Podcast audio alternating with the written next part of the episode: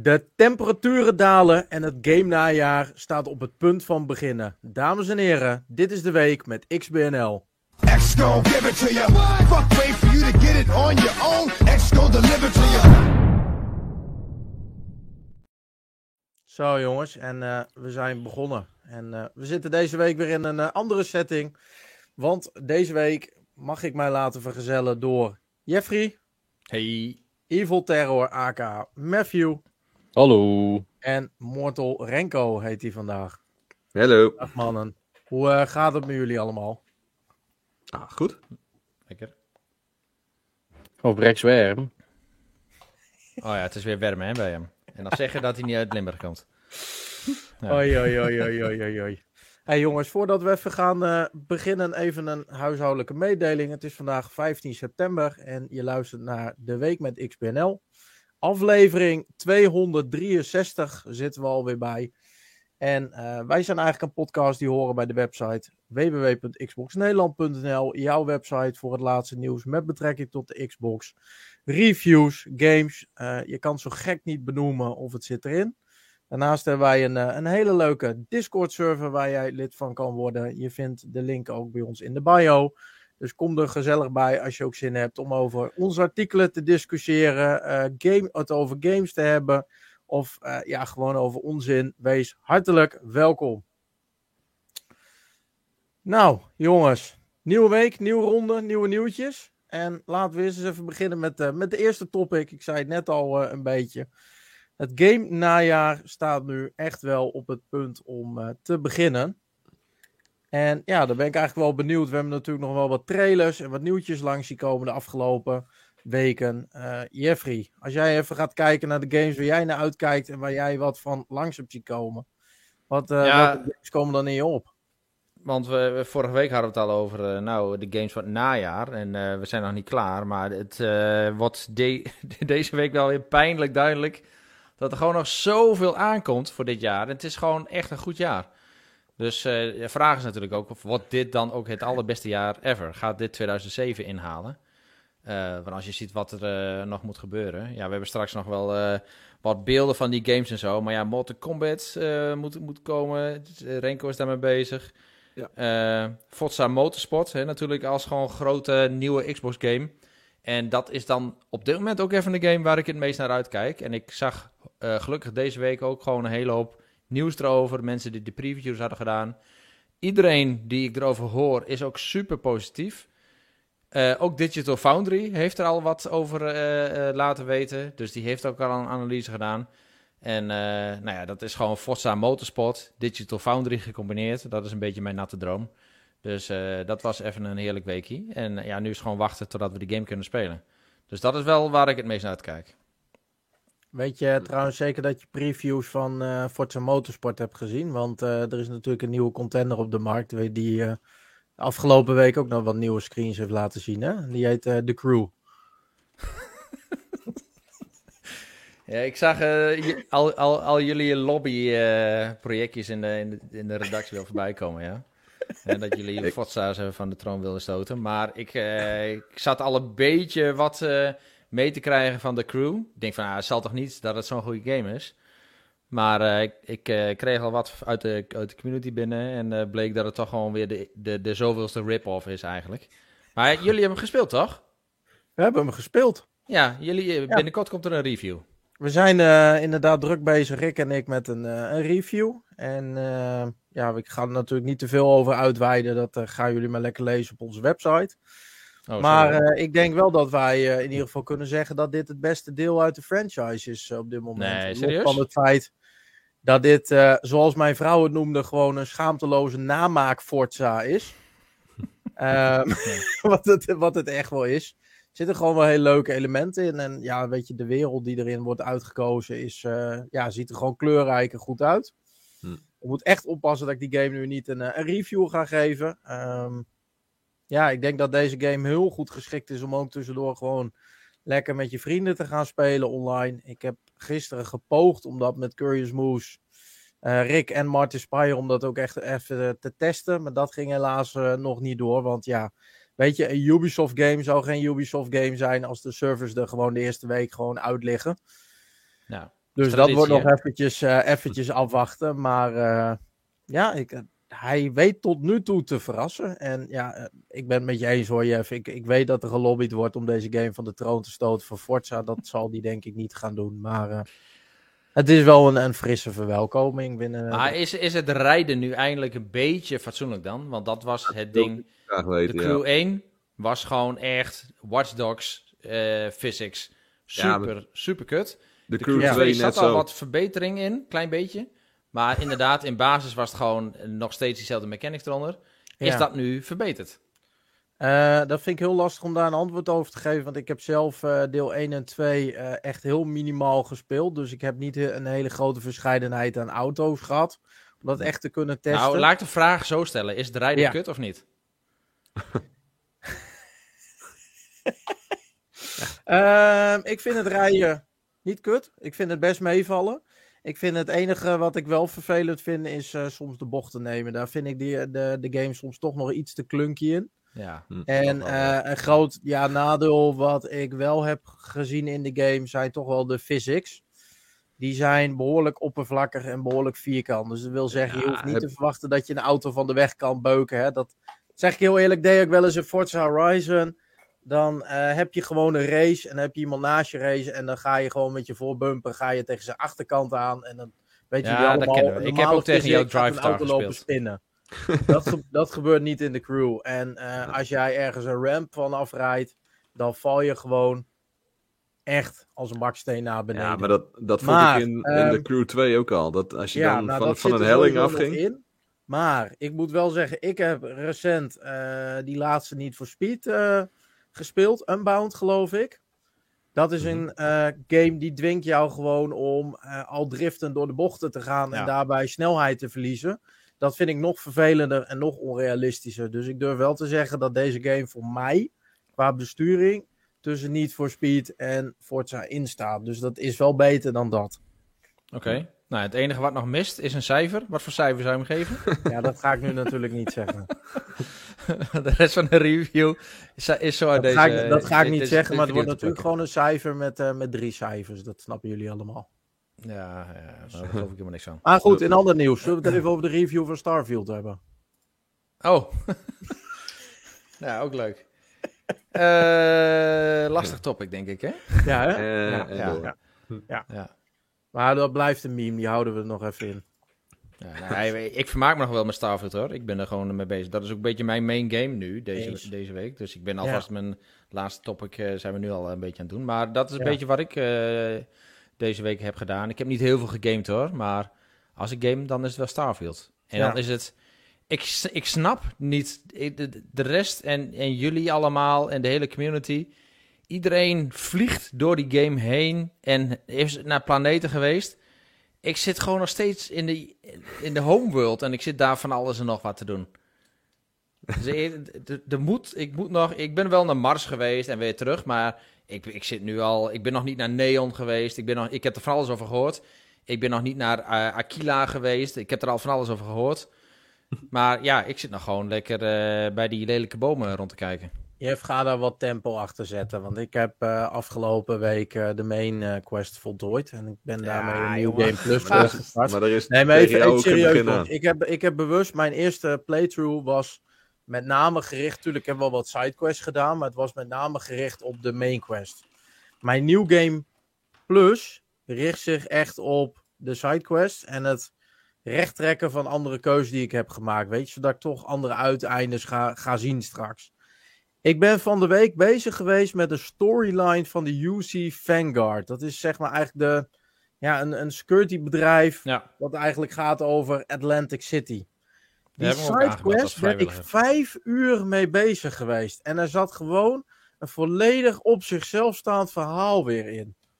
Ja. Dus echt, Jeff, mijn advies, ga ook verder kijken dan... Ja, ik, ik, ik, lees het online ook. Alleen de een zegt heel stellig, of je hebt een hele groep die zegt heel stellig: je moet snel, of je moet eh, niet, je hoeft niet snel, je moet genieten van een game, maar ga gewoon door het, door de main quest heen, want dan krijg je nieuw game plus en dat is even zonder te spoilen. Ik weet de spoiler ook niet eens, maar iedereen zegt dat zonder te spoilen. Dan begin je weer opnieuw, Ja. maar je houdt wel weer bepaalde dingen. Ja. Ehm, Dus daar komt het in principe op neer. Dus dat trekt mij wel heel erg aan. Maar de ander zegt dan weer van... Nee, dat heb ik ook gedaan, maar ik ben er doorheen gerust. En eh, ehm, ik had eh, net zo goed in de eerste run... had ik al van allerlei si- side missions erbij kunnen doen. Dus ja, ik weet het ook allemaal niet. Maar ik denk dat ik gewoon lekker Eh. dat wel gaan doen. Dus de main quest even een beetje Ja. focussen. En dan... eh New Game Plus gaat je een paar leuke dingen geven, geloof me, echt waar. En het is inderdaad zo, dat, dat durf ik te zeggen zonder spoilers. Je neemt je level en je neemt je skill points mee. En de rest wordt gewoon gereset. Ja. Dus het is fantastisch om ook gewoon weer verder te levelen. Want ik hoorde van de week ook Matthew in een eh, party zeggen dat, eh, dat er eh, in ieder geval ook een achievement aan level 100 zit verbonden. Dus je zult daarbij sowieso wel meerdere New Game Pluses moeten gaan doen om, om dat te bereiken. En ik geloof zoals dat jij van de week zei, Matthew, dat je vanaf level 80, als je naar level 100 wilde, zit je eigenlijk net op de helft of iets, omdat het levelen minder gaat. Ja, daar komt het eigenlijk wel. Ja, het, het levelen gaat ongeveer wel net zo snel. Want het- je moet het een beetje zien als het level in Diablo. Er zit gewoon een, een XP-curve in. Dus je moet gewoon steeds meer XP hebben om gewoon weer een level te stijgen. Maar is het zo ook zo... Oh, dus wat dat gaat, ben ik gewoon binnen Diablo? twee dagen level 100. Ja, Ja, als je jij doorspeelt wel. Nee, maar is, is het ook zo overdreven als in Diablo? Dus dat het op een gegeven moment is gewoon niet meer te doen, zeg maar. Hetzelfde als op onze Eh, Discord. Dat de nou laatste ja. levels zijn gewoon niet meer te doen. Ik, ik heb een beetje zitten kijken naar eh, efficiënte eh, XP-farm technieken. En eh, dat zijn technieken zeg maar, die zeggen als je dat gewoon continu doet aan één stuk. Dan praten we gewoon aan vijf uur non-stop aan XP grinden. En dat is dan non-stop op de meest optimale manier die ze kunnen vinden. Dus als Ja, je oké. normaal speelt, moet je ervan uitgaan dat het dus aanzienlijk langer gaat duren. En dan Maar je vijf dus uur is toch niet lang om tot level 100 te komen? Nee, maar dan ben je echt, echt, echt gewoon maximaal mogelijk, zo geestdodend mogelijk, gewoon XP aan het vergaren. Ja, oké. Daar is geen hol aan. maar het Nee, feit maar- dat dat op die manier al vijf uur duurt, dan ja, heb, je een beetje een, ja, heb dus- je een beetje een idee dat als je gewoon regulier gaat spelen, dan zou je met New Game Plus 5 misschien ook level 100 worden. Ja, ja, ja. Maar dat is niet echt het- te vergelijken met Diablo. Want daar moet je gewoon 100 uur non-stop gamen om level ja, 100 te kijk, worden. het, het zal, Ja. ja. maar ja, weet je, is- kijk, dat ga je hier in principe ook krijgen als je normaal speelt. Oké. Nou, tot Maar- zover eh, dit najaar. Eh, het wordt veel Starfield, Forza Motorsport en... eh wat is hem? Ja, en eh, Ja. We, we hebben ook, ook nog een vraag erover, hè, over eh, Starfield. Ehm, dat is een vraag van eh, Molotov. En die zegt van, wat zou nou een goede manier zijn om reviewbombing tegen te gaan? Dus je ziet nu dat er eigenlijk eh, flink wordt gebest op Starfield. eh, dat er op eh, Metacritic dat het alle kanten opvliegt. En dat het ook zeg maar, op alle social media platforms, dus dat, dat consoles wars ook knetterhard aan zijn. En voornamelijk, ik heb het idee dat ik ze nu meer hoor da- dan voorheen. De, dat de echte PlayStation fanboys een beetje naar voren komen en zo hard zitten te haten op deze game. Dat normaal gesproken ben ik daar redelijk immuun voor, maar het valt mij zelfs op. Ja, wat, eh, wat, wat, wat vinden we daarvan? En ehm, zijn die review bombings zijn die tegen te gaan op zo'n platform? Even eh, voordat we dat gaan beantwoorden, jongens. eh, Vraag je aan jou, Jeff. Weet je wat voor kritiek Starfield dan krijgt vanuit kamp PlayStation? Ja, nou ja, ze, ze claimen dan niet van kan PlayStation te zijn, want dan zeggen ze al heel lang die game te hebben gespeeld. Maar dat is eh, voornamelijk dat eh, de game zelf gewoon flat is. Dus het is wel. eh, de, de content is best uitgebreid, maar het pakt niet of het spreekt niet. Hè? Dus zit je altijd een beetje op dat onderbuikgevoel. Ehm, dus ja, dat voornamelijk. En ehm, ja, dat sommige mechanics gewoon niet goed werken. Of dan die paar bugs die erin zitten, die worden dan heel erg uitvergroot. Eh, dus ja, ik denk dat, dat dat lijkt wel op onfair behandelen van die Ja. game. Maar de meest gehoorde kritiek is... ehm, ja, de game is uitgebreid, zit veel in... Maar het doet niks nieuws of zo. Dus het is niet eh, net zoals... Niet zo, het heeft niet de magie die de vorige Todd Howard games wel hadden. Nee, want met, met FIFA 394 en, eh, en al die andere games zitten we wel altijd op vernieuwing te wachten. Rot toch Nee, maar man. wacht even. Ehm, als dit de kritiek is, hè, ehm, zullen wij dan gewoon even de beelden erbij pakken van de eerste game die op de State of Play gisteren is aangekondigd? Hmm. Zullen we daar het anders even over gaan Nee, hebben? Inderdaad. Nou, eh, nu eh, snap ik je, Domingo. Dus ook een van de kritiek die, die we dus ook veel krijgen... is natuurlijk eh, de graphics en zo, dat. En dan worden echt gewoon even de slecht... Ik bedoel, Starfield ziet er gewoon goed uit. Hè? Dat zijn we het allemaal over eens. Het is natuurlijk gewoon een zo'n grote game met gegenereerde werelden...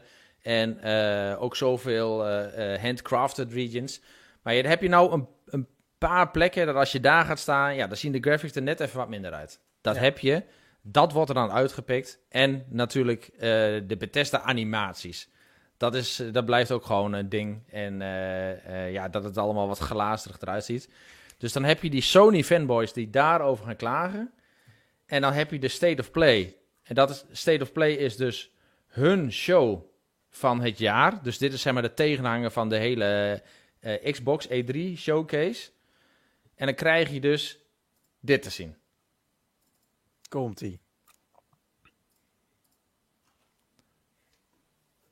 Wauw. Even voor de Ja, podcastluisteraars. wauw. Dit is een mannetje die met ja, heel veel moeite een pad loopt. Ik weet niet wat, wat hij heeft, maar die heeft wat eh, Ja. vast zit in zijn broek of zo. Maar dat gaat niet meer lekker. Het zou zomaar nog Hey. concept artwork van Starfield kunnen zijn. Met een beetje Ja, schuin. Inderdaad. Ja,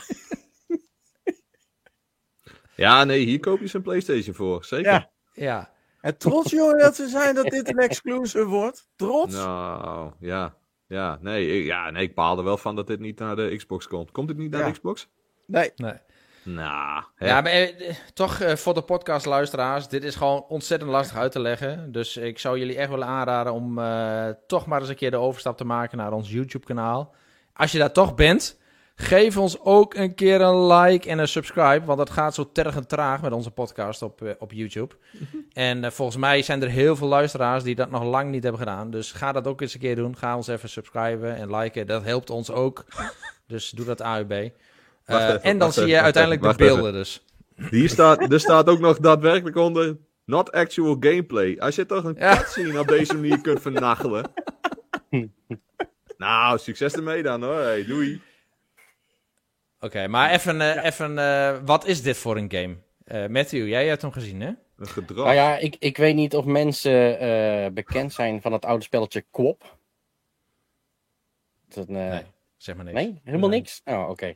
Nou ja, Quop is eigenlijk een spelletje, dat speelde je eigenlijk op de PC met je toetsenbord. En dan had je gewoon, eh, moest je gewoon, eh, had je gewoon een bepaalde knop om je benen te bewegen. En meer was het niet. En dan moest je gewoon over een trek heen rennen en kijken hoe ver je kwam. Nou ja, dit is eigenlijk ja, een 3D variant. Daar komt het eigenlijk op neer. Je, ja, hoe het precies werkt, weet ik niet. Maar het ziet er een beetje, het, het heeft hetzelfde idee. Je moet gewoon je benen besturen en als je het niet goed doet, dan flikker je. En dan moet je begin, begin weer opnieuw. Dat, eh, ja. Oh, oh, Ja. oh. Ja, nee, maar eh, het, het is wel grappig dit. Ik vind het wel grappig. Alleen, ik vind dan, eh bedoel, het is gewoon leuke, een beetje indie-achtige games. Het is lekker innovatief. Dus het is altijd leuk om te zien. Alleen, echt, als je dan die grote PlayStation fanboys hoort over Starfield en graphics en houterige animaties. En dan heb je de State of Play. En de eerste game is deze game, die, die wordt getoond. Ja. Dan denk je echt toch even van, hou even je mond. Hè. Ga je even op Ja, je eigen console lopen. Ik zou, de, Ja, ik zou deze inderdaad, ik zou deze aanzetten om mensen te overtuigen eh, om vooral een PlayStation te kopen en niet een Xbox. Absoluut. Ja. Ja, Ja, maar ik denk Ja. ook wel dat de kracht van de SSD hier ook wel heel erg bij helpt bij deze game. Ja, Ja, zeker, dat, zeker. eh, dat weet ik wel zeker. Dat, eh, dat zet net letterlijk dat stapje meer. Dat stapje extra. hij Ja. stapt ook gewoon in het luchtledige, joh, kom op. Ja, joh, dat is echt eh, bizar. hey, maar jongens, eh, nou zitten we ondertussen al 28 eh, minuten hier over Oh, te kletsen. Laten we even teruggaan naar in ieder geval vast de vraag van, eh, van Molotov. Eh, want die vroeg natuurlijk van, joh, wat zou nou een goede manier zijn om reviewbombing tegen te gaan? Eh, Renko, wat is eh, jouw idee daarbij? Helemaal geen community eh, of user reviews meer eh, toelaten, want anders ga je dat niet tegenhouden. Nee. Eens. Nou, ik vind dat eh, Steam, eh, bij Steam is dat best handig. Eh, je moet de game gewoon hebben en anders kun je geen review achterlaten. Dus dat is heel simpel. Dus da- daar ga je al aardig wat mee tegen. Ja. En eh, volgens mij is dat wel een van de oplossingen. Ehm, en daarnaast, ja, kijk, we hebben natuurlijk niet voor niks het onderscheid tussen critic review en community review. Ja. En een community review is dat iedereen zich eh, zijn hart even kan luchten. Nou ja, als het allemaal zo diep zit, dan laat ze dat maar doen. En Mhm. eh, ja, Ja. ik, ja, mij interesseert de community review ook niet zo heel veel. Nee. Want dat zegt meer over het sentiment rondom de game dan daadwerkelijk objectief over de game. Ja. En ehm, ik vind wel dat de critic review is dan wel datgene wat wel moet kloppen. En ik denk dat daar wel, ehm, daar kan soms wel iets meer, eh, ja, hoe zeg je dat goed? Een soort van zuiverheid in worden aangebracht. Eh, Dat daar ook wel een beetje wat gereviewbomd. Maar ja, ga maar tegen een eh, partij als IGN of Eurogamer zeggen dat ze ernaast zitten.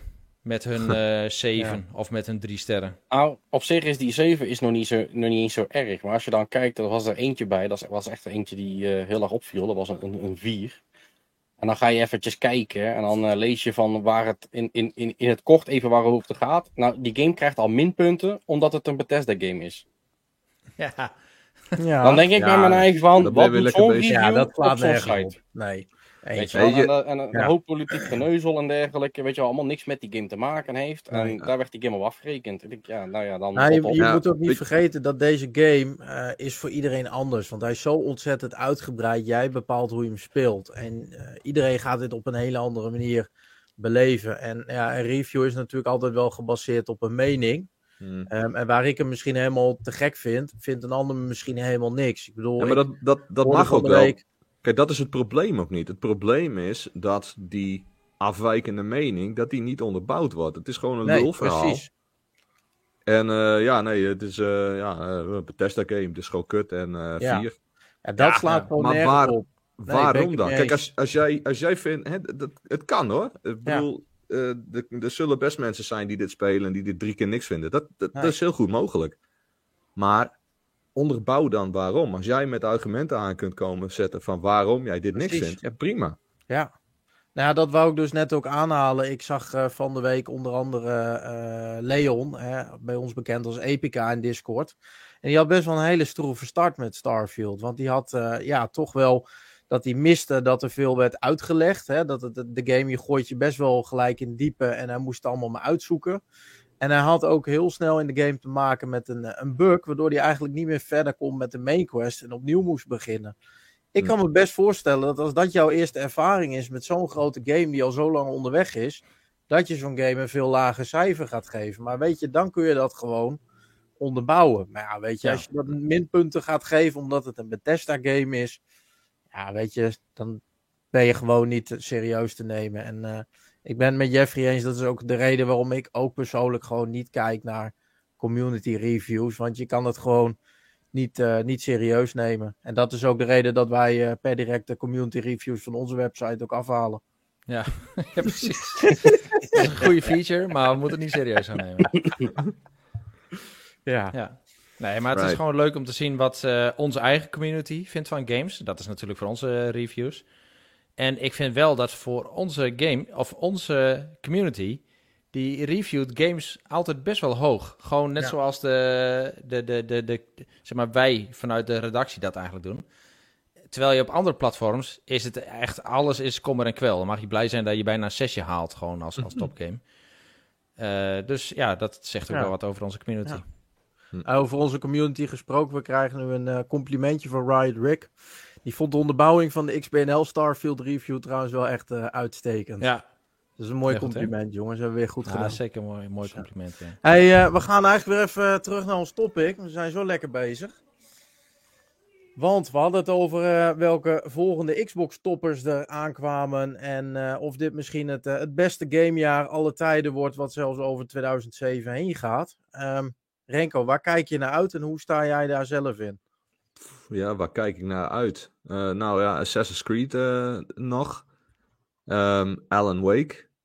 En ehm, ik moet zeggen dat ik wel uitkeek naar Mortal Kombat, maar er niet hele hoge verwachtingen van, eh, van had. Maar dat, dat die game echt alles, alles wat ik er had van verwacht gewoon opverblaast.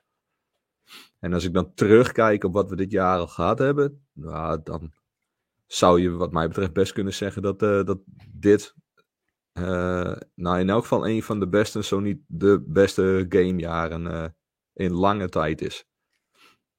Nice. Hey, en eh, Matthew, hoe sta jij daarin? Nou ja, ik moet zeggen, ik, eh, ik heb gewoon keuzestress. Ik weet gewoon niet wat ik moet spelen. Er komt gewoon Nee. te veel uit. En er komt nog best wel wat aan wat ik nog wil doen. En ik, weet, ik heb gewoon de tijd niet meer. Ik bedoel, ik red het niet. Ik weet niet waar ik moet beginnen. Ik weet niet waar ik moet verder gaan. Maar ik denk dat, eh ja, zeg, als het goed is, komt dit jaar ook nog eh, eh, de nieuwe Lords of the Fallen uit. Daar, kom, daar kijk ik nog wel naar uit. Daar ben ik wel nieuwsgierig naar wat ze daarvan gemaakt hebben. Want ik heb wel het oorspronkelijke eerste deel gespeeld. Dus ik ben benieuwd hoe deze reboot zeg maar, gaat worden. En ik kijk best wel uit naar eh Banishers of Coast of New Eden. Oh ja. En de rest is eigenlijk allemaal. ehm, ja, wat bijna. Ja, kijk, nieuwe Assassin's Creed kijk ik ook wel naar uit. Maar het zijn allemaal games die zitten een beetje. Die hangen een beetje op de achtergrond op dit moment. Die, die komen eigenlijk allemaal automatisch in mijn backlog te zitten. Ja. Maar je klinkt bijna gestrest, joh, van al die games die uitkomen. dat het gewoon bijna een druk is wat op je afkomt. Ja, hallo, hij Ja. moet al die games op 100% uitspelen. Ja. Weet je, dit is mijn, mijn leven is heel simpel georiënteerd. Het is gewoon eh, gamen, Een game-georiënteerd leven heb je. Ja, ja, ik bedoel, hè, ik, ik, Goh, game-oriented life. Die moeten we erin houden. Ja. ik. Mijn prioriteiten zijn gewoon van, hè, ik moet gewoon alle tijd vrijmaken om te kunnen gamen. En zelfs dan kom ik tijd tekort. Ja. Gewoon, ik wil gewoon zoveel doen, maar de tijd is er gewoon niet. Ja, en nu is Nee. de vraag natuurlijk van, misschien dat AI op den duur gewoon goed genoeg is om games te spelen. En dan kun je gewoon een AI inhuren om voor jou een game te spelen. Dat zou Ja, wel een stunt zijn. Op het ene Ja. scherm één spel laten spelen en dan een ander scherm, dan kan ik zelf spelen. Kan ik af en toe Ja, een beetje precies. meekijken Ja, ja. en dan eh, heb ik toch beide ervaringen. Dat Ja. je gewoon een samenvatting van je game krijgt als je hem hebt uitgespeeld. Dan van, dit is er gebeurd. Ja, Dat zou wel een zijn. me. Ja, mooi man.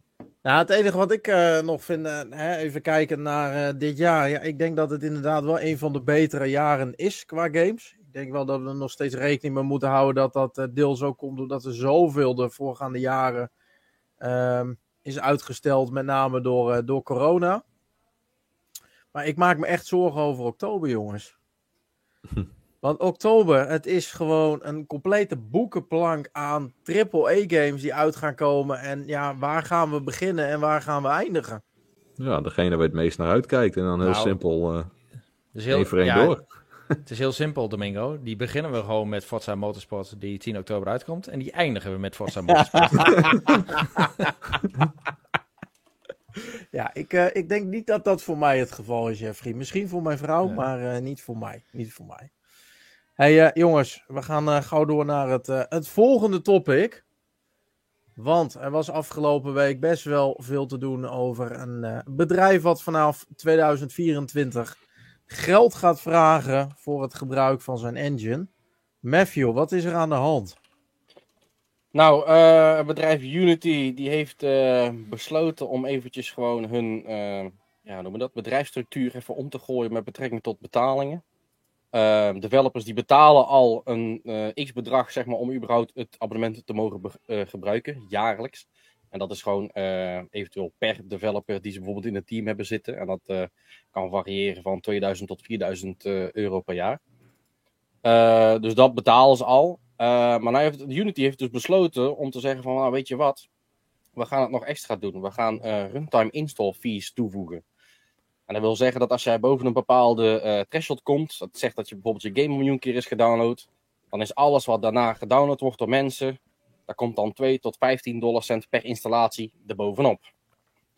En eh, ja, dit is eigenlijk tot grote ongenoegen van een heel groot scala aan eh indie-ontwikkelaars. Of heel veel mensen die gewoon afhankelijk zijn van het Unity-platform. Eh, dit mede met het feit omdat eh, Unity ook besloten heeft om eigenlijk heel stiekem hun Terms of Service aan te passen. Dus zodat de oude ook bijna niet vindbaar is. Om de nieuwe eigenlijk gewoon retroactief in te stellen. Dus dat wil ook zeggen dat games die eh, vanaf begin 2024 eh gereleased worden, of vanaf begin 2024 eh, voldoen aan de nieuwe eisen, dat ze daar allemaal extra voor moeten gaan betalen. En eh, ja, wat je eigenlijk nu krijgt, tenminste van wat je nu op Twitter heel veel voorbij ziet komen, is bijvoorbeeld eh, Thomas Sala, de maker van eh Falconeer. Zijn game draait ook op Unity. Zijn nieuwe game is hij aan het maken ook in Unity. Dus die is, die op, op Twitter heel erg uitgesproken over wat hij ervan vindt. Eh, heel veel andere developers die sluiten zich eigenlijk erbij aan. Ehm, er zijn heel veel developers die nu ook hebben aangegeven van... Hey, luister, wij zijn er vertrouwen in het bedrijf dusdanig kwijt... dat wij gewoon per 31 december gewoon onze game eh, uit de storefront halen. In dit geval gaat dat over eh, Cult of the Lamb. En eh, heel veel eh, bedrijven zeggen ook gewoon van ja luister, wij gaan gewoon kijken of we in de toekomst gewoon naar een andere engine kunnen. En wij stoppen gewoon met Unity. Want dit gaat gewoon niet goed komen. Nee. En dan zou je denken bij je eigen van, maar waarom doet Unity dat nou in één keer? Nou, exact. Hoe je- komt dit? nou dat is best, wel- best wel leuk. De CEO van. Unity, dat is dus eh, een, schijnbaar een bekend persoon in de industrie. Nou weet ik zijn naam eventjes niet, maar eh, deze CEO is schijnbaar een voormalig CEO geweest van EA. Nou, jullie weten allemaal wel van hoe goed EA is met hun eh, monetizations eh, plannen. Hè, ik bedoel, die maken van alles een geldkoek. Kijk maar wat ze met eh, FIFA hebben gedaan en met alle andere games. Ze hebben zelfs Hij- ooit... Het gaat om John Richitello. Nou, dat is, De, de founding father van de lootbox, zo'n beetje, bij EA. Eh, nou ja, het is wel degene die het echt dusdanig heeft doorlopen drukken. En eh, het is ook iemand die bekend staat om heel veel studio's te sluiten. En dergelijke. En eh, ja, blijkbaar heeft hij dus besloten om dat nou dus bij Unity eh, te gaan doen. Om dan gewoon deze zaak om zeep, zeep te helpen. Alleen nou komt het gekste van alles. Wat blijkt nou te zijn is, en daar moet waarschijnlijk onderzoek naar gedaan worden. Is dat nog niet heel lang voordat deze besluit is gemaakt heeft de CEO en waaronder andere mensen, topmannen van Unity, die hebben schijnbaar heel veel aandelen gelopen verkopen. En dat is best verdacht, want als je kijkt hoe de aandelen nu is, die is ontiegelijk gedaald. Dus eh, het is allemaal een beetje verdacht. Het is een beetje vreemd. Die eh, John Ri- Riccietiet, Ri, hoe heet hij nu? Ricci- John Ri- Richitello. Lastige naam is dat, Ja, Italiaans. het is bijna Ninja Turtle. Ja, inderdaad. Maar die heeft dus ook voorgesteld dat ze voor eh, bij in de EA-tijd, dus bij hun shooters, bij bijvoorbeeld Battlefield, dat eh, gamers die eindigen met een lege clip, ammo, lege ammo-clip, dat ze voor een instant payment een reload konden krijgen. Dus dat ze zeg maar Ja. een dollar kunnen betalen en dan een nieuwe ammo-clip kunnen reloaden. Nou, Oh, jongens, jongens, jongens, jongens. Ja, en, weet je, in een wereld waarin BMW op een gegeven moment abonnementen voor je stoelverwarming en dergelijke aanbiedt, sta ik nergens meer van te kijken. Dat, eh, ja. Maar ja, het is ook wel grappig. Er schijnt een quote van hem eh, rond te dwalen op het internet. Die, eh, waarbij hij ook feitelijk heeft gezegd van... Mensen die eh, geen monetization in hun game stoppen, die zijn gewoon idioot. Ja. Dus ja, dan weet je Ja. gewoon waar zijn gedachte gewoon zit. Die man die denkt maar aan één ding en dat is gewoon geld. En probeert er zoveel Ja. mogelijk geld eruit te halen. Nou ja, maar je ziet zien, dat het eh, echt. Je, je, je ziet ook wel dat het echt contraproductief werkt voor Unity. Want waar Unreal echt ontzettende stappen heeft gemaakt de afgelopen jaren. Gewoon door met technische dingen te komen, technische snufjes en op technisch vlak bezig te zijn. Heeft het gewoon echt enorme stappen gemaakt. En ehm, ja, ik vind dat. eh, we hebben het afgelopen jaar wel vaker over gehad. Van ja, het is de zoveelste game die dan Unreal Engine. Dus die gaat overstappen. We, zagen ook eh, CD Projekt Red bijvoorbeeld. Eh, die zat altijd nog met een eigen engine, wat echt wel prijzenswaardig is en ook wel gewoon leuk is. Hè? Ook, ook als zeg maar, tegengeluid tegen de gevestigde orde, dus tegen Unreal Engine. Die stapt dan ook over naar Unreal Engine. Ja, ik denk dat het helemaal geen goede, geen goede zaak is. Dus dit is. Dit is voor de markt is dit echt niet goed. Dat Unreal Engine de enige is die straks nog eh, eh, ja, gewoon een fatsoenlijke engine kan bieden. Ja. Want als Unity alleen maar bezig is met geld maken en niet zozeer met nieuwe techniek leveren. Ik bedoel, het, het is een product. Het product moet voor zichzelf spreken. Dat moet zichzelf verkopen. En ehm, het is niet zo dat als een product niet goed verkoopt, dat je dan maar meer geld moet gaan vragen. Want dat werkt alleen maar tegen je product. Dus ja, ik eh, heb er echt een harte hoofd in. Dus ik hoop echt dat, dat dit of omkeert, of dat er nieuwe partijen komen die ook met engines gaan komen. Want de Unreal Engine heeft wel echt wat meer pushback nodig. Want anders Ja. hebben zij straks monopolie. En voor nu is dat allemaal prima.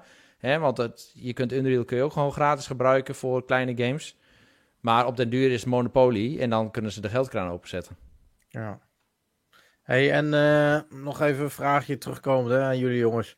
Want eh, ze gaan er natuurlijk gewoon geld voor vragen aan eh, de developers. Dat is de bedoeling, als ik het goed begrepen heb.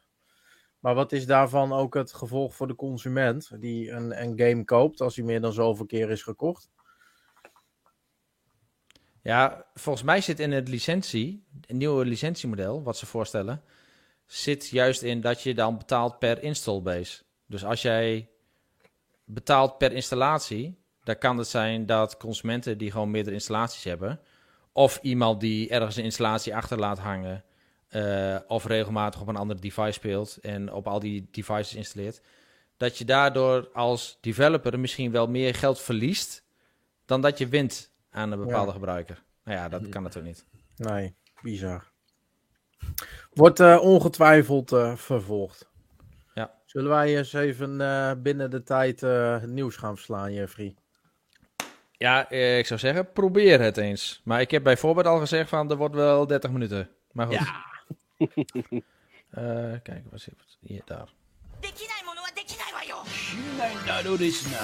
いつ出るの2分間のニュース。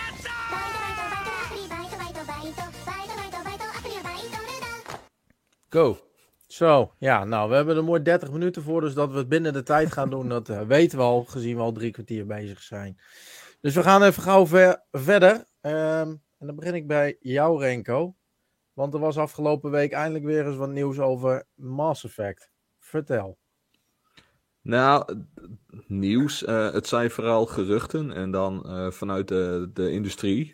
Jess Gordon van. Waar zit hij bij? Euro. Nee. Nou, ik heb het even Yes, niet. Eh, is, eh, Central? Windows, eh, Windows Central. Ja. Windows Central, dank u. Die zag ik. Die eh, zegt dat hij geruchten opgevangen heeft dat eh, ze bij de nieuwe Mass Effect de open wereldstructuur van Andromeda gewoon laten varen. En dat ze teruggaan naar de structuur zoals ze die in de originele trilogie hadden. Dus wat lineairder en eh, meer op verhaal gericht. Oké. Wat Nou, Is dat goede daarvan? ontwikkeling? Dat is wat mij betreft zeker een goede ontwikkeling. Ehm, wat, eh, wat ik ten opzichte van Andromeda eh, tegen vond vallen was juist het gebrek aan pacing. En eh, ook vooral het gebrek aan dreiging, aan, aan noodzaak om door te gaan. Die, die dreiging die was er in de originele trilogie wel heel erg. Je werd constant herinnerd aan het feit waarom je bepaalde missies aan het doen was. Wat, wat de overkoepelende eh, verhaal was. En dat had je in Andromeda te weinig. Ondanks dat dat op zich ook wel, ook wel vet was hoor. Dat je dat, dat onbekende sterrenstelsel eh, moest gaan, eh, gaan verkennen. Maar eh, ja, nee, wat mij betreft zeker een goede zaak. Mooi. Ja, dan gaan we het eh, nog een keer voor de derde keer vanavond hebben over Forza. En deze keer niet over motorsport, maar over Horizon 5. Want ook daar is weer iets nieuws aan de hand. Jeffrey, vertel. Ja, Event Lab 2.0 noemen ze het. En eh, het is eigenlijk gewoon een eh, hele grote verbetering aan Event Lab. Eh, Event Lab kennen we uit Forza Horizon 5 als eh, ja, de, de community eh, modus. Waarin je zelf in de wereld van Forza je eigen eh, tracks kunt gaan maken. En eh, ja, er is een grote update nu. En in die update zitten van allerlei quality of life improvements. Waardoor je betere tracks kunt maken. Je kunt dingen snappen met elkaar. Eh, je kunt nieuwe items eh, eh, erbij halen. Je hebt meer props. Je kunt makkelijker dingen selecteren en verplaatsen naar een andere plek. En ook wel leuk voor mensen die hier echt serieus mee bezig zijn. Je zag soms hele creaties. Ja, en mensen wisten van gekkigheid niet waar ze dat moesten laten. Dan maar half in de lucht. Je hebt nu een, eigenlijk een nieuw gedeelte wereld. Dat je een heel vierkant eiland volledig vlak kunt krijgen. Dus een beetje het Nederland onder eh, eh, in Mexico, zeg maar. en eh, dat je daar gewoon je hele wereld in kunt bouwen. Dus dat is ook wel leuk. Dus eh, ja, mensen die het leuk vinden om daar een beetje in te pillen, die hebben gewoon een hele nieuwe toolset nu beschikbaar. Nice. Nice. Hey, en dan ga ik even door naar onze Tales of Arise eh, expert, Matthew. Want volgens mij krijgt deze game DLC. Klopt dat? Ja, toevallig is eh, gisteren tijdens de PlayStation Showcase, dat is eigenlijk het enige goede hoogtepuntje die er voorbij is gekomen, eh, kwamen ze in één keer toch met de aankondiging dat er dus toch gewoon een, een, een, een, ja, een story-uitbreiding komt van Tales of Arise. En dat stond ik wel van te kijken, want het is toch alweer twee jaar nadat de game is uitgekomen. Ehm, naar mijn mening een zeer welkome toevoeging. En daar kijk ik er ook zeker naar uit. Ehm, ik heb ergens gelezen dat eh, werd verteld dat het ongeveer een 20 uur durende ehm, uitbreiding is. Zo. Dus dat vind ik ja, tof. Ja. Kijk er wel naar uit. Ja. Zo'n, eh, nieuw verhaal. En eh, ja, je, speelt voor zover ik weet wel gewoon met het, de rest van de bestaande cast. En er komt een nieuwe karakter wordt toegevoegd. En ja, je gaat gewoon een nieuw avontuur beleven. En het speelt zich dan af na het bestaande verhaal? Of is het Ehm, een parallel iets? Dit is, eh, voor zover ik heb begrepen, is het een jaar na het einde van de originele game. Oké. Van het origineel verhaal. Oké.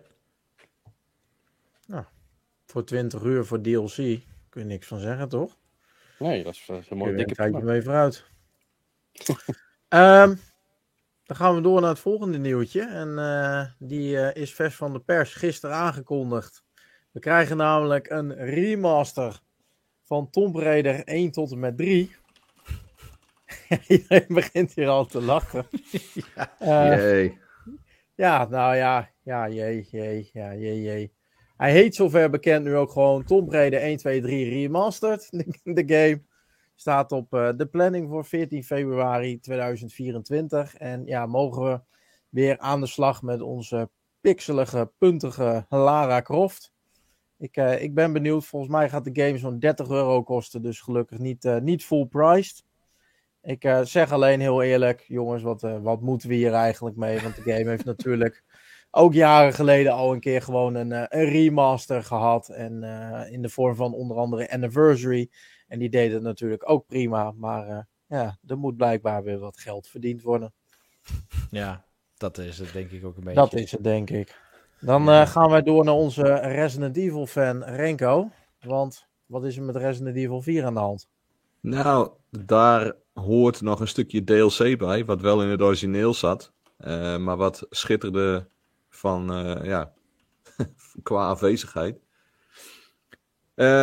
Dat is nu aangekondigd, dat zit eraan te komen. Dan hebben we het over Separate Ways, waarin je met Ada Wong aan de slag mag. Dus onze mysterieuze dame in het rood.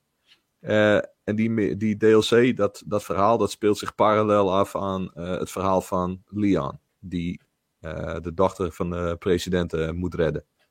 Dus Ada heeft een eigen agenda. Nou, dat, dat stukje mag je nu vanaf volgende week ook gaan spelen. Nice. Wordt het gratis DLC?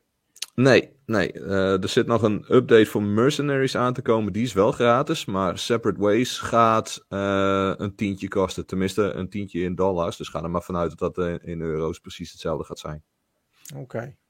Is dat eigenlijk niet een beetje raar dat zo'n zo'n DLC natuurlijk ook in het origineel zat? Dat zo'n game dan een remake krijgt en opeens weer de complete set aan DLC krijgt, dat je daar dan weer voor moet gaan betalen? Ehm, ja, ergens misschien wel. Eh, van de andere kant, eh, het is een remake van de game. Dus ze hebben de complete game van, van A tot Z opnieuw opgebouwd.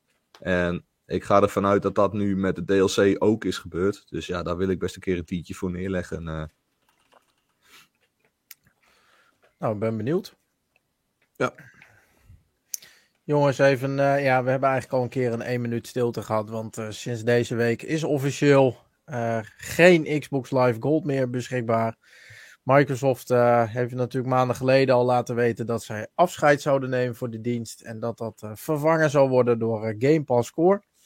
Nou, we gaan jullie even er kort weer doorheen nemen wat Game Pass Core is. Het is eigenlijk gewoon ja, echt de vervanger van Xbox Live Gold, waarin je gewoon online kan gamen. En daarmee zijn de Games with Gold in eh, augustus ook komen te vervallen, waarmee je twee tot vier gratis games per maand kreeg.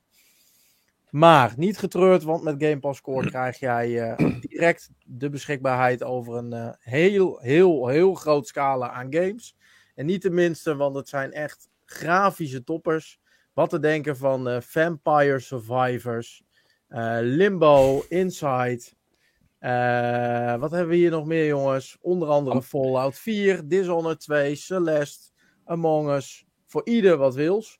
En natuurlijk ook gewoon de GOAT, Stardew Valley. Dus eh, Ja. mocht je nog Echte, niet bekend mee echte zijn, grafische toppers. eh, ga het uit Pixels, sowieso even. Ja. Wat zeg je, Jeffrey?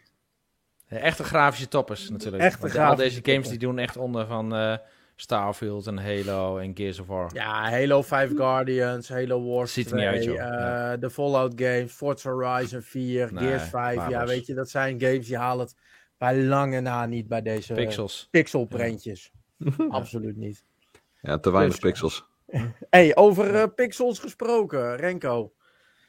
We hebben nogmaals een DLC-nieuwtje. en dat gaat deze keer over Sea of Stars. Klopt, klopt. Ehm, dat is op zich al vrij snel dat ze het erover hebben. Ehm, de game is, nou wat zal het zijn, anderhalf, twee weken is hij eh, uit.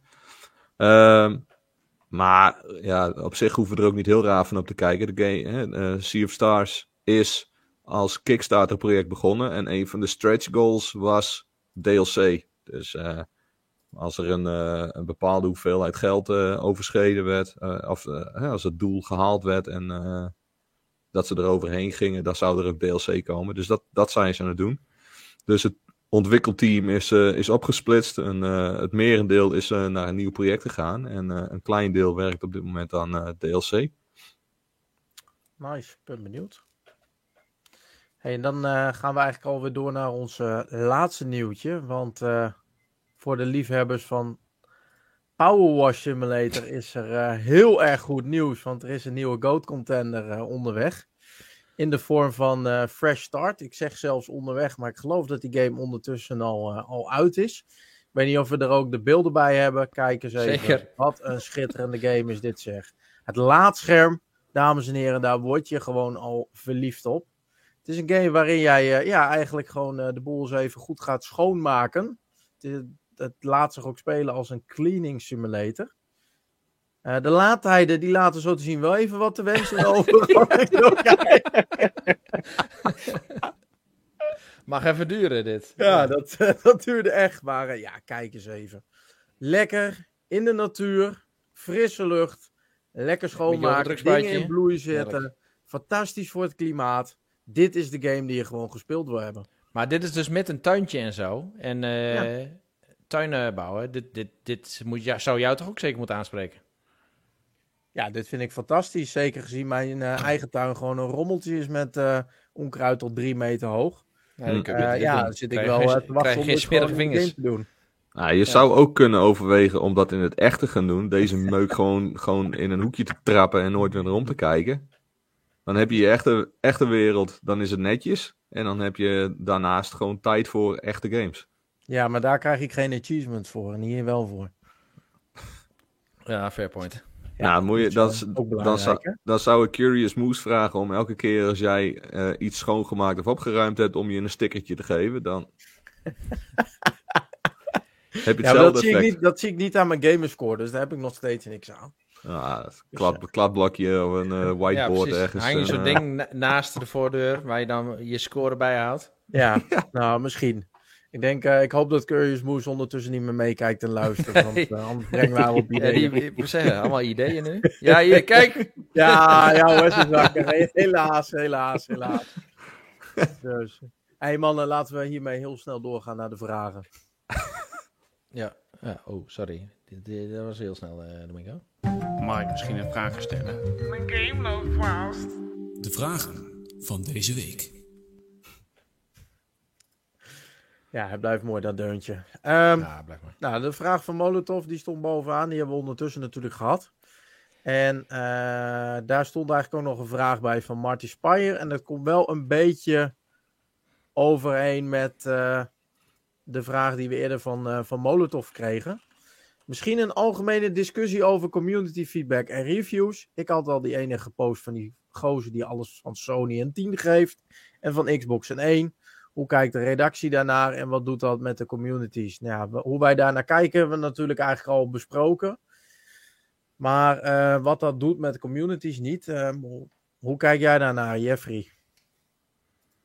Ja, eh, ik, ik zou dat gewoon niet al te serieus nemen. Dat, dat is het mooie van een open wereld en een open community. Ja. Je kunt mensen negeren die je niet serieus hoeft te nemen. Dus prima. Is dat toevallig ook de reden waarom ik nooit een reactie krijg op mijn DM's? Ja, dat is exact dezelfde reden. Nou. Ja.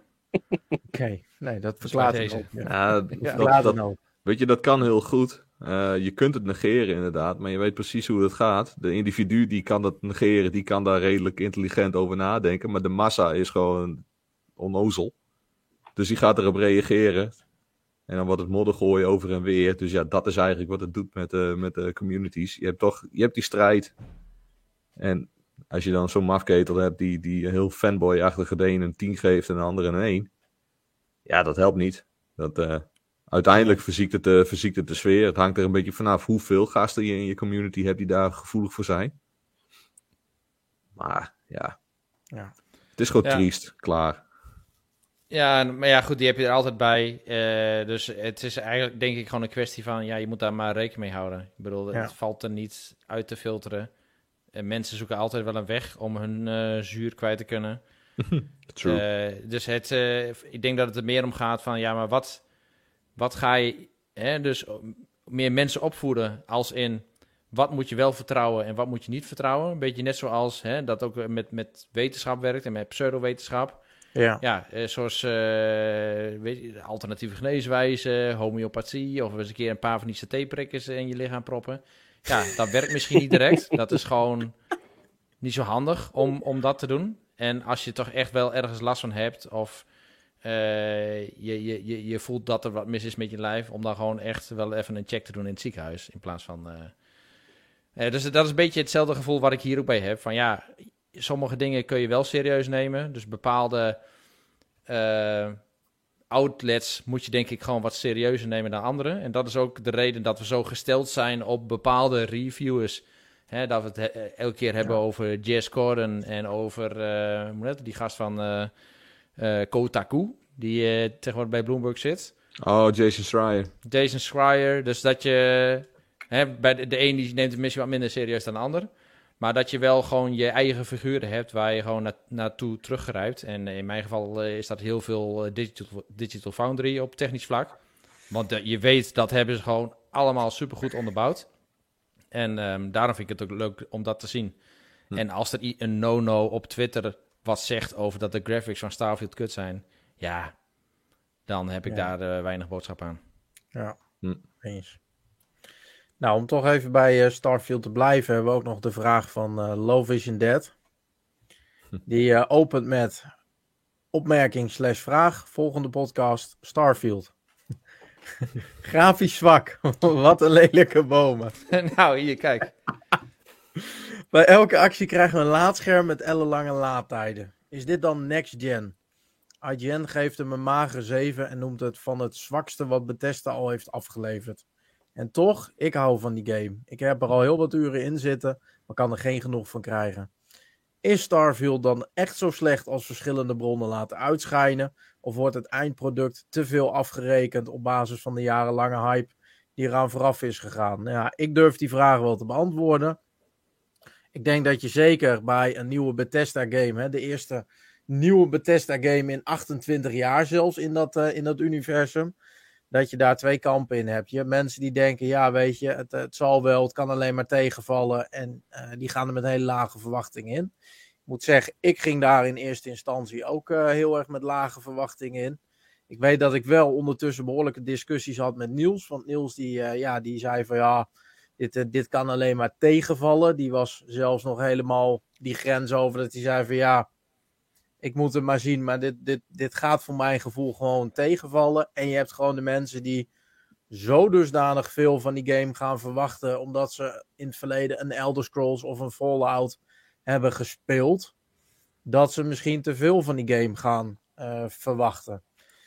Ik vind dat deze game niet alle verwachtingen heeft overtroffen, maar ik vind dat deze game meer dan voldoende eh, verwachting heeft waargemaakt om een goed plekje in dat universum van Fallout en van de Elder Scrolls te hebben. En ik vind dat die game daarin zo dusdanig veel plezier ehm, ja, weet te brengen en zo dusdanig goed is, dat het wat mij betreft echt wel een mijl- mijlpaal in de geschiedenis van eh, Xbox exclusives is. Nou, je merkt dat aan alles dat het gewoon wordt beïnvloed door de hele sfeer eromheen, door eh, alle berichten over en weer. Want als je even nagaat, hè, je, dus, je haalt alle hype weg. Eh, we doen net als, als, alsof Bethesda niet bestaat. Starfield is nooit aangekondigd. Eh, heel Bethesda bestaat niet bijvoorbeeld. En opeens komt een andere uitgever. Rockstar, 2K, CD Projekt Red. die komt met deze game op te proppen. Dus dat je naar duizenden planeten kunt gaan. Super uitgebreid verhaal. Grafisch ziet er de top uit. Draait goed op de console. Eh, shoot mechanics zijn gewoon solide. Eh, al met al gewoon een goed rond plaatje. Ga je mij niet vertellen dat die game een lager krijgt dan een 9? Nee, Ja, dat denk ik ook niet, nee. eens. Ja, en dat, nou ja, dan komen we weer op, op wat we in het begin ook hadden. Dat is toch gewoon fucking treurig, of niet? Ja, Dat, nogal. dat je ja. je cijfer gewoon af laat hangen van welke ontwikkelaar het is. Ja, dat is niet oké. Echt niet. Dat is, kom op zeg. Nee. Eens. Het, het is ook een beetje het feit dat ze daar gewoon arbitraire redenen gaan zoeken om gewoon een lager cijfer te geven. Ja. Ja. beoordeel die game gewoon op wat het is. Is het leuk? Speelt het goed? Ja, prima. Een goed cijfer eraan. En speelt het voor geen meter? Loopt het voor geen meter? Zit het vol met bugs? Joh, als zal het dan van, van, van eh, een Rockstar of iets dergelijks zijn. Ja, als het kut is, is het kut. En als het goed is, is het goed. Ja, precies. Ja. Stel dat Naughty Dog deze game had gereleased als exclusive voor de PlayStation. Nou, dan was de wereld te klein. Ja, tienen. Tienen, Ja. nevens tienen. Ja, negens, ja. Ja. Ja, weet je, dat is wel een mooi voorbeeld die je natuurlijk geeft. Want eh, Sony heeft natuurlijk begin dit jaar met eh Forspoken een, eh, een grote exclusive uitgebracht. Die eigenlijk eh, na de release behoorlijk bleek tegen te vallen. En dat zag je wel terug in de reviews. Maar weet je, online heb je daar zeker vanuit het kamp van Sony bijna niemand over gehoord. Hm. Ja. Dus ja, Ja. weet je, dat, dat is wel gewoon bizar. Ja, maar dan krijg je ook, weet je wel, dan gaan ze deflecten. Hè? Als het een game is die goed is van een third-party studio, dan is het van ja, Sony, Sony, Sony. En als Ja. het dan een third-party game is die slecht is, ja, maar dat is een third-party game. Dat is niet van Ja. Sony. Mhm. Ik bedoel, zo gaat Ja, het altijd. precies. En dat is altijd dat hetzelfde riedeltje. En dat zie je altijd over en over. Ja. Tja. Ja, weet je, je hebt het gezegd, de Oost-Indisch doof. En dit is misschien wel gewoon Oost-Indisch fanboy dan. Hm. Ja. Ik weet niet hoe ik het anders zou moeten noemen. Dat, eh, ja. Hey, jongens, zullen wij eh, doorgaan naar de reviews? Ja. Zeker. De reviews van Helemaal Goud, Helemaal Kut, Xbox NL. Want we hebben afgelopen week weer eh, twee reviews gehad. En eh, ik kan me niet herinneren dat wij eerder zo'n eh, grote stapel aan aankomende reviews Oeh, hebben liggen. ja. Het zijn er echt wel, eh, wel heel veel. Want Jeff, welke reviews zijn wij mee bezig op dit moment? Nou, ehm, misschien dan tegelijkertijd even met het nieuwtje die deze week eh, de wereld in, is ges- geslingerd. Dat is dat er een nieuwe We Were Here, We Were Here game is gedropt ehm, afgelopen donderdag. En eh, het gaat om een eh, soort van kleine variant van zeg maar, de, de We Were Here franchise. Dus het heet ook echt We Were Here. Het is van dezelfde makers natuurlijk. Ehm, maar eh, deze game is eh, eigenlijk in een paar uur eh, uit te spelen. Dus het is wederom een puzzelgame. Je moet het wederom in co-op doen. En het heet We Were Here Expeditions. Dat, dat is de naam van de franchise, zeg maar. En deze aflevering heet The Friendship. En zo gaan er nog een paar van deze afleveringen komen de komende tijd. En ehm, ja, wij hebben hem op de Gamescom dus al even gedaan. En dit, was wel leuk. Ik heb hem samen met Niels gedaan. En we mochten er weinig over zeggen, omdat het dus een surprise drop zou zijn. En eh, ja, ik eh, kijk hier wel naar uit. Ik bedoel, eh, nieuwe We Here games, dat is altijd fijn. Maar ja, die hebben we dus in het vooruitzicht staan. Daar zijn Domingo en Niels zijn er ook mee aan het spelen. Eh, dus jullie zijn er al lekker mee aan het puzzelen. Naast de rest van de, van de lijst die jullie ook nog eh, hebben op jullie stapel. Ehm, ja, en verder hebben we de crew natuurlijk, waar volgens mij de laatste hand aan wordt gelegd, zo'n beetje. Wat jij samen met, eh, met Rick doet. Wanneer Ja. kunnen we die verwachten? Die zal waarschijnlijk dit weekend nog live gaan, die review. Ja. En eh, eens even kijken. Ja, de lijst is zo lang, joh. Eh, we Ja, hebben joh. de Sea of Stars, die komt eraan. Eh, we hebben zojuist codes gekregen van PD3. Dus die pakken we er ook gewoon even bij tussen. Als er allemaal een beetje goed komt en rondkomt. Want er waren nog wat probleempjes, wat technische probleempjes. Ehm, Renko, jij bent lekker bezig met Kombat 1. Oh. Ja. Je hebt jezelf even buitenspel gezet? Of ja, heb ik je dat had, ik, nee, ik heb, ik heb mezelf eh, eruit gegooid. Ik heb de stream even gerefreshed, want eh, Ah. de, je stotterde als een gek bij mij op de stream. Ah. Mij lag het aan mij. Dat lag, dat Nee. lag dus niet aan mij. Dat is heel fijn, want dat gebeurde bij mij dus ook. Ik Oké, hoor- Ja, nou ja, ik, ik ik, denk- hoor het hier. Ja. Ik denk, ik ben toch niet aan het, werk, of aan het woord, dus eh, even een refresh. Nee, inderdaad, eh, Mortal Kombat ben ik, eh, ben ik mee bezig. Ehm, ja, eh, behalve dat ik daar verschrikkelijk eh, enthousiast eh, over ben, eh, ja, wil ik daar nog niet al te veel over kwijt. Dus ik, ik ga proberen of ik misschien aan het einde van dit weekend de review al in elkaar kan, stampen. Dan, dan is hij mooi voor de, voor de release van de reguliere versie online. Dus even afwachten. Ja, precies. En eh, ja, daarnaast hebben we ook nog eh, mensen die bezig zijn met eh, andere games. Even mijn lijstje erbij pakken. Hier, Phantom Liberty bijvoorbeeld. Twee man zijn ermee aan het werk. En dat is onze eigen Rob en dat is Picnic. Dus die gaan ook met die game aan de slag. Die komt binnenkort dus ook al uit. deze maand nog. En dan hebben we Rick, die bezig is met, is met Lies of P. Dus die komt er ook aan. Flinke lijst. Nou, het begint bijna op werken te lijken, joh, dit. Ja, bijna wel. hè. ja, en we hebben ook gewoon nog reviews gehad hè, deze week. Ja, ook nog. En dan eh, ja, beginnen we eigenlijk met de review van eh, onze eigen Niels. Die heeft namelijk de game Bomb Rush Cyberfunk heeft hij gereviewd. Die eh, game komt van de Nederlandse studio Team Reptile. En eh, ja, ik ben er live bij, bij geweest terwijl Niels die, eh, die game aan het spelen was. En ik heb meerdere keren te horen gekregen dat die game eh, ja, eigenlijk echt geschikt was voor de liefhebbers van Jet Set Radio waar ik nog nooit van had gehoord. En blijkbaar is dat heel gek, want iedereen aan wie die dat vertelde, kende die game. Ehm, maar Niels was echt heel tevreden over die game. Geeft hem uiteindelijk een 8 pluspunten voor de game. Is dat de omgeving van de wereld genaamd Nieuw Amsterdam. eh, ja, dat het gewoon supergoed is met haar unieke squads en gangs.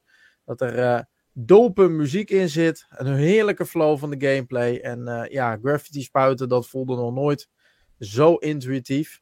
Ehm, hij geeft wel aan zijn redelijke puntjes dat hij hier en daar wat meer uitdaging had verwacht. Dat hij wat meer te doen zou willen hebben per buurt. En dat de voice acting in had mogen zitten. Eh, maar dat het wel voelt als een solide stijlkeuze. En zijn minpunten is dat de bossfights en bijbehorende gevechten te slecht werken en weggelaten mogen worden. En je weet dat als Niels dat zegt, dat het spelletje gewoon te, te moeilijk voor Niels is. maar hij geeft de game uiteindelijk gewoon een solide 8. Ja. Ik ga dit nog even terug horen. Waarschijnlijk gaat die beste ja, jongen precies. morgen die podcast weer terug luisteren. En dan word ik wakker en dan heb ik weer zo'n appje met... Het is helemaal niet zo moeilijk voor mij. Ja, als hij de knoppen van de podcast kan vinden natuurlijk. Hè? Ja, dat is ook wel weer zo. Ja. Dat is ook wel weer zo. Ehm, tweede review die we hebben gehad deze week, die was eh, van mijn eigen hand. Dat was namelijk de review van NBA 2K24. En dat is wat mij betreft toch wel een van de koningen van de sportgames. Ehm, ja, ik, heb, ik was wederom best wel eh, tevreden over de game. De My Career die erin zit, waarmee je door de stad kan cruisen. Ja, dat blijft gewoon eh, echt een, eh, een mooi dingetje. Aan de hand van cutscenes, keuzes die je maakt, ontwikkel je ook gewoon je eigen pro. Dus dat waren voor mij echt wel de pluspunten. Grafisch is het voor mij nog steeds een, een plaatje. Vol met vette soundtracks en ja, heel veel content dit jaar. De redelijke dingen die ik vind, omdat, juist omdat het zoveel content heeft, is dat het wellicht wat overweldigend voor nieuwkomers kan zijn. En ja, dat ze met name in de My Career wel wat gebouwen en eh, omgevingen hebben gecopy-paste vanuit het vorige deel.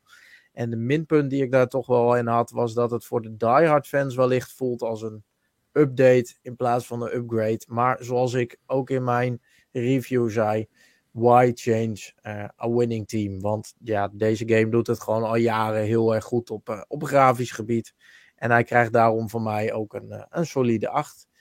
En eh, dan hebben we als laatste inderdaad nog de review van, eh, van Starfield. Die zijn wij van plan om in de eh, XBNL Kletspraat van 2030 te gaan behandelen. Ja, volgend jaar dinsdag. Ja, en hij is ook ergens te vinden op de website, maar we zeggen niet waar.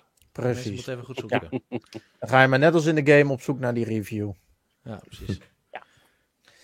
Nou, dan gaan we door naar wat we afgelopen week hebben doorgespeeld, eh, denk ik.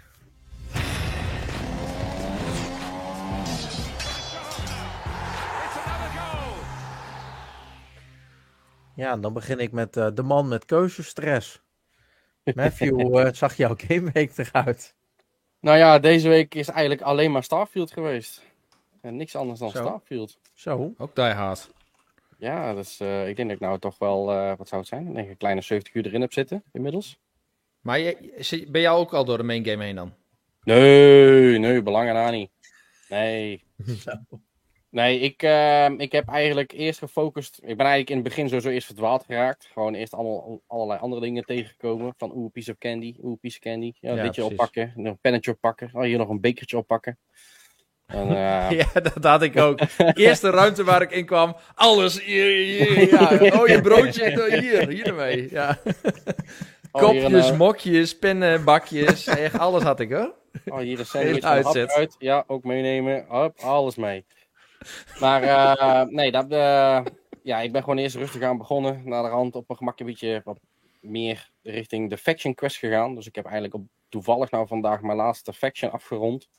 Van eh, de Ryujin Industries. En eh, ik ga nou langzaam maar zeker aan de eh, story beginnen. Of in ieder geval verder met de story. Ik denk dat ik misschien drie missies heb gedaan in de main story en voor de rest nog helemaal niks. Hmm. Maar ja, al met al dik tevreden. Maar ben jij al, ook al een beetje bezig met ehm ehm, net outpost building en zo, shipbuilding, dat soort dingen? Ehm, nou ja, shipbuilding probeer ik zo ver mogelijk van weg te blijven. Ehm, meer met de zin van, ik vind het, nou ja, ik vind het met een controle vind ik het voor geen meter werken. Dat is gewoon, ik vind het niet fijn. Ik vind het ook niet intuïtief, zeg maar. Dat is een beetje een van mijn vergrijpen aan deze game, is het hele menu, CQ UI gebeuren. Dat, Ja. eh, Klik, klik, klik. ja, dat, eh, dat werkt allemaal niet zo lekker. Ik heb wel een outpost gemaakt. En ook daar ben ik erachter gekomen dat het plaatsen van objecten, vooral als jij storage crates op elkaar wil plaatsen en naast elkaar, dat is gewoon een pain in the ass. Dat kun je gewoon met een controller niet fijn eh, voor elkaar krijgen. Want ik weet niet hoe het op de PC is, maar, want ik speelde op de PC met de controller. Maar daar vind ik dus ook een beetje ruk, simpel gezegd. Dus dat, eh, ja, ik probeer daar een beetje van weg te blijven. Ik heb wel een outpost opgezet om makkelijk XP te vergaren. Voor als ik straks helemaal klaar ben en ik ben een beu, dan ga ik gewoon heel de hersendood gewoon XP eh, verzamelen. Maar ja, tot nog toe gewoon druk bezig met zorgen dat in ieder geval mijn cargo storage niet vol zit. Oké. Want dat is een beetje mijn grootste probleem met die game. Altijd ruimte tekort. Nice. Nou, Maar volgens mij is dat ook een beetje de opsomming van Starfield. Dat is gewoon je ruimte managen. Het is gewoon Ja, het, het- het is gewoon cargo simulator. Space Simulator. maar Ah, in eigenlijk niet eens Starfield, hè. Starfield, hè. Eigenlijk gewoon zo'n beetje elke Bethesda-game in dit universum die ooit is uitgekomen. Vorm. Ja, inderdaad. Beginnen met Maar ja, weet je, het is- Hetzelfde verhaal. Zolang de game niet crasht zoals hij dat bij mij bij eh, Skyrim deed, met dat ik te veel spullen in één kistje heb gedouwd, dan ben ik tevreden. Nice. Heb je verder nog wat gespeeld?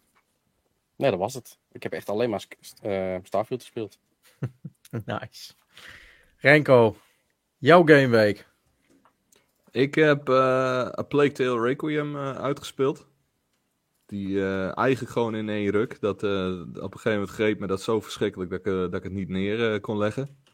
Die, die game die, die zit gewoon zo idioot goed in elkaar. Dat, dat verhaal is echt ja, gewoon ontzettend leuk om te ontdekken. Ehm, ja, dus, dus ja, die. Ehm, ik ben begonnen met Saints Row de reboot. Die, die zat in de sale en ik had nog een giftkaart liggen van mijn verjaardag. eh, dus ik denk, nou ja, dat ga ik gewoon proberen.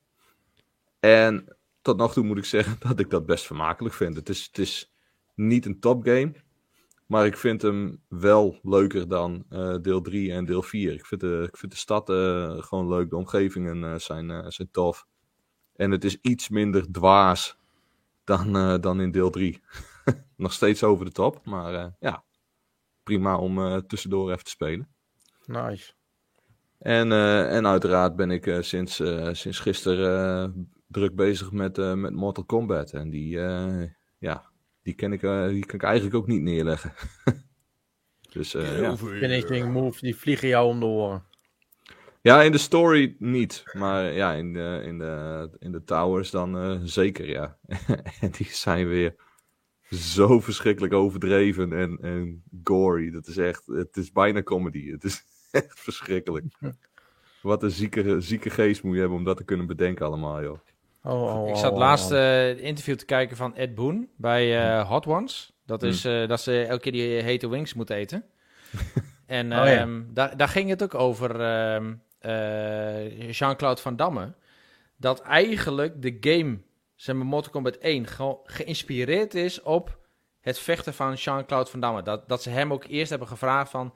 Hey, mogen we de game ook Jean-Claude Van Damme noemen? En dat, dat het op, op hem, zeg maar, over hem gaat. Hmm. En eh, nou ja, toen waren ze zo klein hè, met Mortal Kombat 1. Mhm. eh, zeg maar, voordat de game überhaupt uit was. Dat ze gewoon nooit wat van hem hebben gehoord. En nu hebben ze eindelijk Jean-Claude Van Damme dus in de game zitten. Ja. Met, een, eh, met een Johnny Cage skin. Nou, ze hebben er ook nooit een geheim van gemaakt dat Johnny Cage uiteindelijk gebaseerd was op eh, Jean-Claude Van Damme. Ja, Dus ja, ja, de, cirkel, de cirkel is nu wel mooi, eh, mooi weer rond. Ja, ja inderdaad. Oh, dan heeft hij toch eigenlijk ook gewoon twee eh, connecties met fighting games. Want hij heeft toch ook nog als Gaul gespeeld in de Street Fighter film? Dat Ja, was hij toch? nou, die was ik al bijna weer vergeten.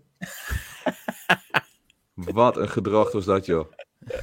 Nee, maar dat Maar- was toch Van Damme die dat speelde? Ja, klopt. Maar die film, joh, dat ging echt helemaal nergens over. Van Damme was daar, was daar constant, eh, zat hij aan de drugs en was hij van de kaart. Eh, die, die, die acteur die eh, ja, Bison speelde, die was langzaam dood aan het gaan. Nou, dat is echt... Wat een dramafilm is dat, joh. Echt verschrikkelijk.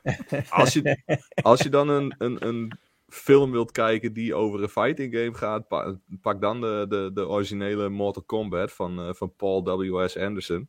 Die is niet goed. Maar je ziet wel dat er, dat er heel veel liefde voor het bronmateriaal eh, in zat. Dus Ja, ik vond die laatste Mortal Kombat ook best wel aardig.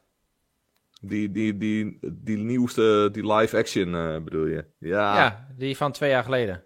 die special effects En, waren, waren wel mooi. Maar ja, Ja, ja Ik zeker. vond die- die- ja, die en dat water, hè? Mooi. Nou, die, die, die, ors- die originele, die originele film, die eerste, dat, die, die is, ja, uiteindelijk is die zo cringe dat die gewoon goed wordt. Hè? Met, die, met die muziek er zo erbij en eh, al die moves die erin zaten. Dat, eh, ja. En ik vond toen eh, die Dead or Alive vond ik ook wel grappig. Die heb ik niet gezien. Ja. Oh, nou ja. Dat is nog eens een keer de moeite waard. Er is nog genoeg fighting eh, films om te kijken, dus. Ja. Ehm, had je verder nog games gespeeld, eh Renko? Nee. Dan gaan we door naar eh Jeff. Ja, eh, hetzelfde als Matthew. Dus eh, eigenlijk gewoon Starfield. That's it. Nou, goed verhaal. Voor mij wel in ieder geval. Nou, jij Ja. dan met je backlog. Weet je, twee, twee games afronden en dan één nieuwe game kopen. Lukt het een beetje? Eh, nou ja, ik heb natuurlijk officieel de main quest van Starfield uitgespeeld. Dus eh, Oh, dus je mag een game kopen nu. ja hoor. ik Ja, heb wel een goede game. Hey. ja, uitgespeeld. re- real, life fresh start. Ja. Ja. Doe je gewoon even een headset op, gewoon voor het idee. En dan ga je gewoon naar buiten in de tuin en dan... Ja, ja, ja, ja, ja, ja, ja, ja. Nee, eh, ik eh, moet heel eerlijk zeggen, ik heb Starfield afgelopen week even aan de kant moeten leggen, omdat ik het eh, inderdaad eventjes druk heb met, met review games. NBA is daar één van geweest. Nou, daar heb ik natuurlijk net al heel veel over verteld. Ehm, de afgelopen dagen stond eigenlijk wat meer in, in het teken van The Crew. Die ik ook gisteravond onder andere met, met Rick, Martin Spire en Curious Moose nog heb gedaan. Dus daar ben ik nog even druk mee bezig. En eh, ja, daarna staat eh, ook nog eens de planning van eh, de nieuwe We Were Here game op, op het menu. En ja, ik heb van de rest eigenlijk alleen nog een beetje het, eh het gewoonlijke gespeeld, wat ik eigenlijk altijd doe. Eh, FIFA nog gedaan en ik denk nog wel mooi om ermee af te sluiten. Ik heb weer Rocket League gedaan met Niels. Rocket League heeft sinds vorige week weer een nieuw seizoen. Hebben weer wat toernoois in gedaan en we hadden van de week een toernooi en we waren gewoon echt meesterlijk. En eh, we wonnen eigenlijk alles. We overheersten in alles tot aan de finale.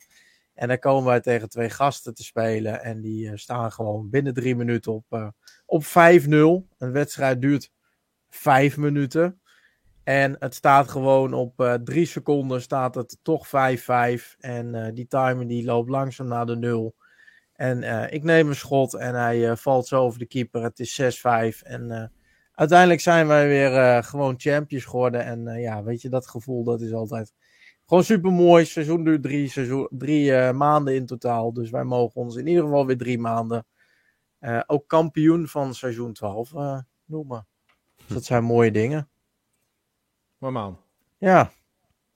hey, en mannen, we zijn ondertussen gewoon bijna alweer anderhalf uur aan de slag. want we hebben het toch weer over wat meer dingen gehad dan we wilden. Ehm, we geven hier voor de, gaat st- dat, hè? de schuld gewoon naar Starfield. Dus ik denk dat het een eh, heel mooi moment is om hem hierbij bij af te sluiten. Lekker die Xbox aan te, te gooien en eh, te gaan genieten van ons weekend. Ja. Leuk plan. En eh, ik gooi er nog even een achievement in voor de Ja, die hebben we nog. Jo, bedankt. Tot volgende week. Hey mensen, fijn weekend allemaal. Oh, Hoi hoi. Hoi.